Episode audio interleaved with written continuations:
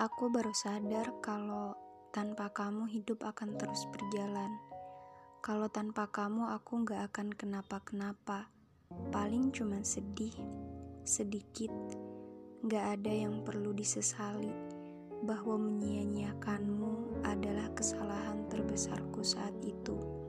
Tapi gak apa, kalau tidak begitu, mungkin aku tidak akan seberani sekarang untuk bahwa tanpa hal itu, aku gak akan bertemu dengan cerita biru dan menanti senja di hidupku. Bahwa tanpa hal menyakitkan itu, aku gak akan bertemu dengan podcast cerita Meldi hari ini. Bahwa tanpa hadirnya kamu, aku gak akan membacakan kalimat ini sampai selesai.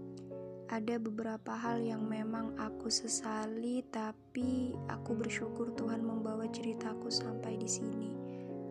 Meski terluka, tapi akhirnya aku bisa bahagia dan menyelesaikan lembar terakhir dari cerita ini, walaupun sendiri. Mungkin ini jalan terbaik, entah aku yang tidak peka atau rasamu yang hanya sementara. Sejujurnya, aku hanya perlu waktu untuk mencintaimu balik.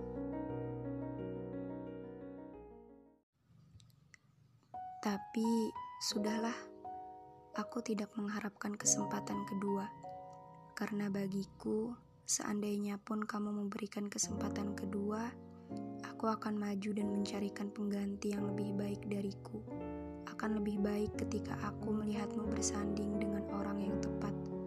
Sejujurnya, banyak kalimat yang bersarang di kepalaku. Hanya saja, aku bingung bagaimana cara mengungkapkannya. Kata ini terlalu banyak. Mungkin kalau dibacakan semua akan terdengar seperti sebuah dongeng. Aku tidak mau mereka yang mendengarkan menjadi tertidur. Dunia harus tahu bagaimana caraku menyakitimu.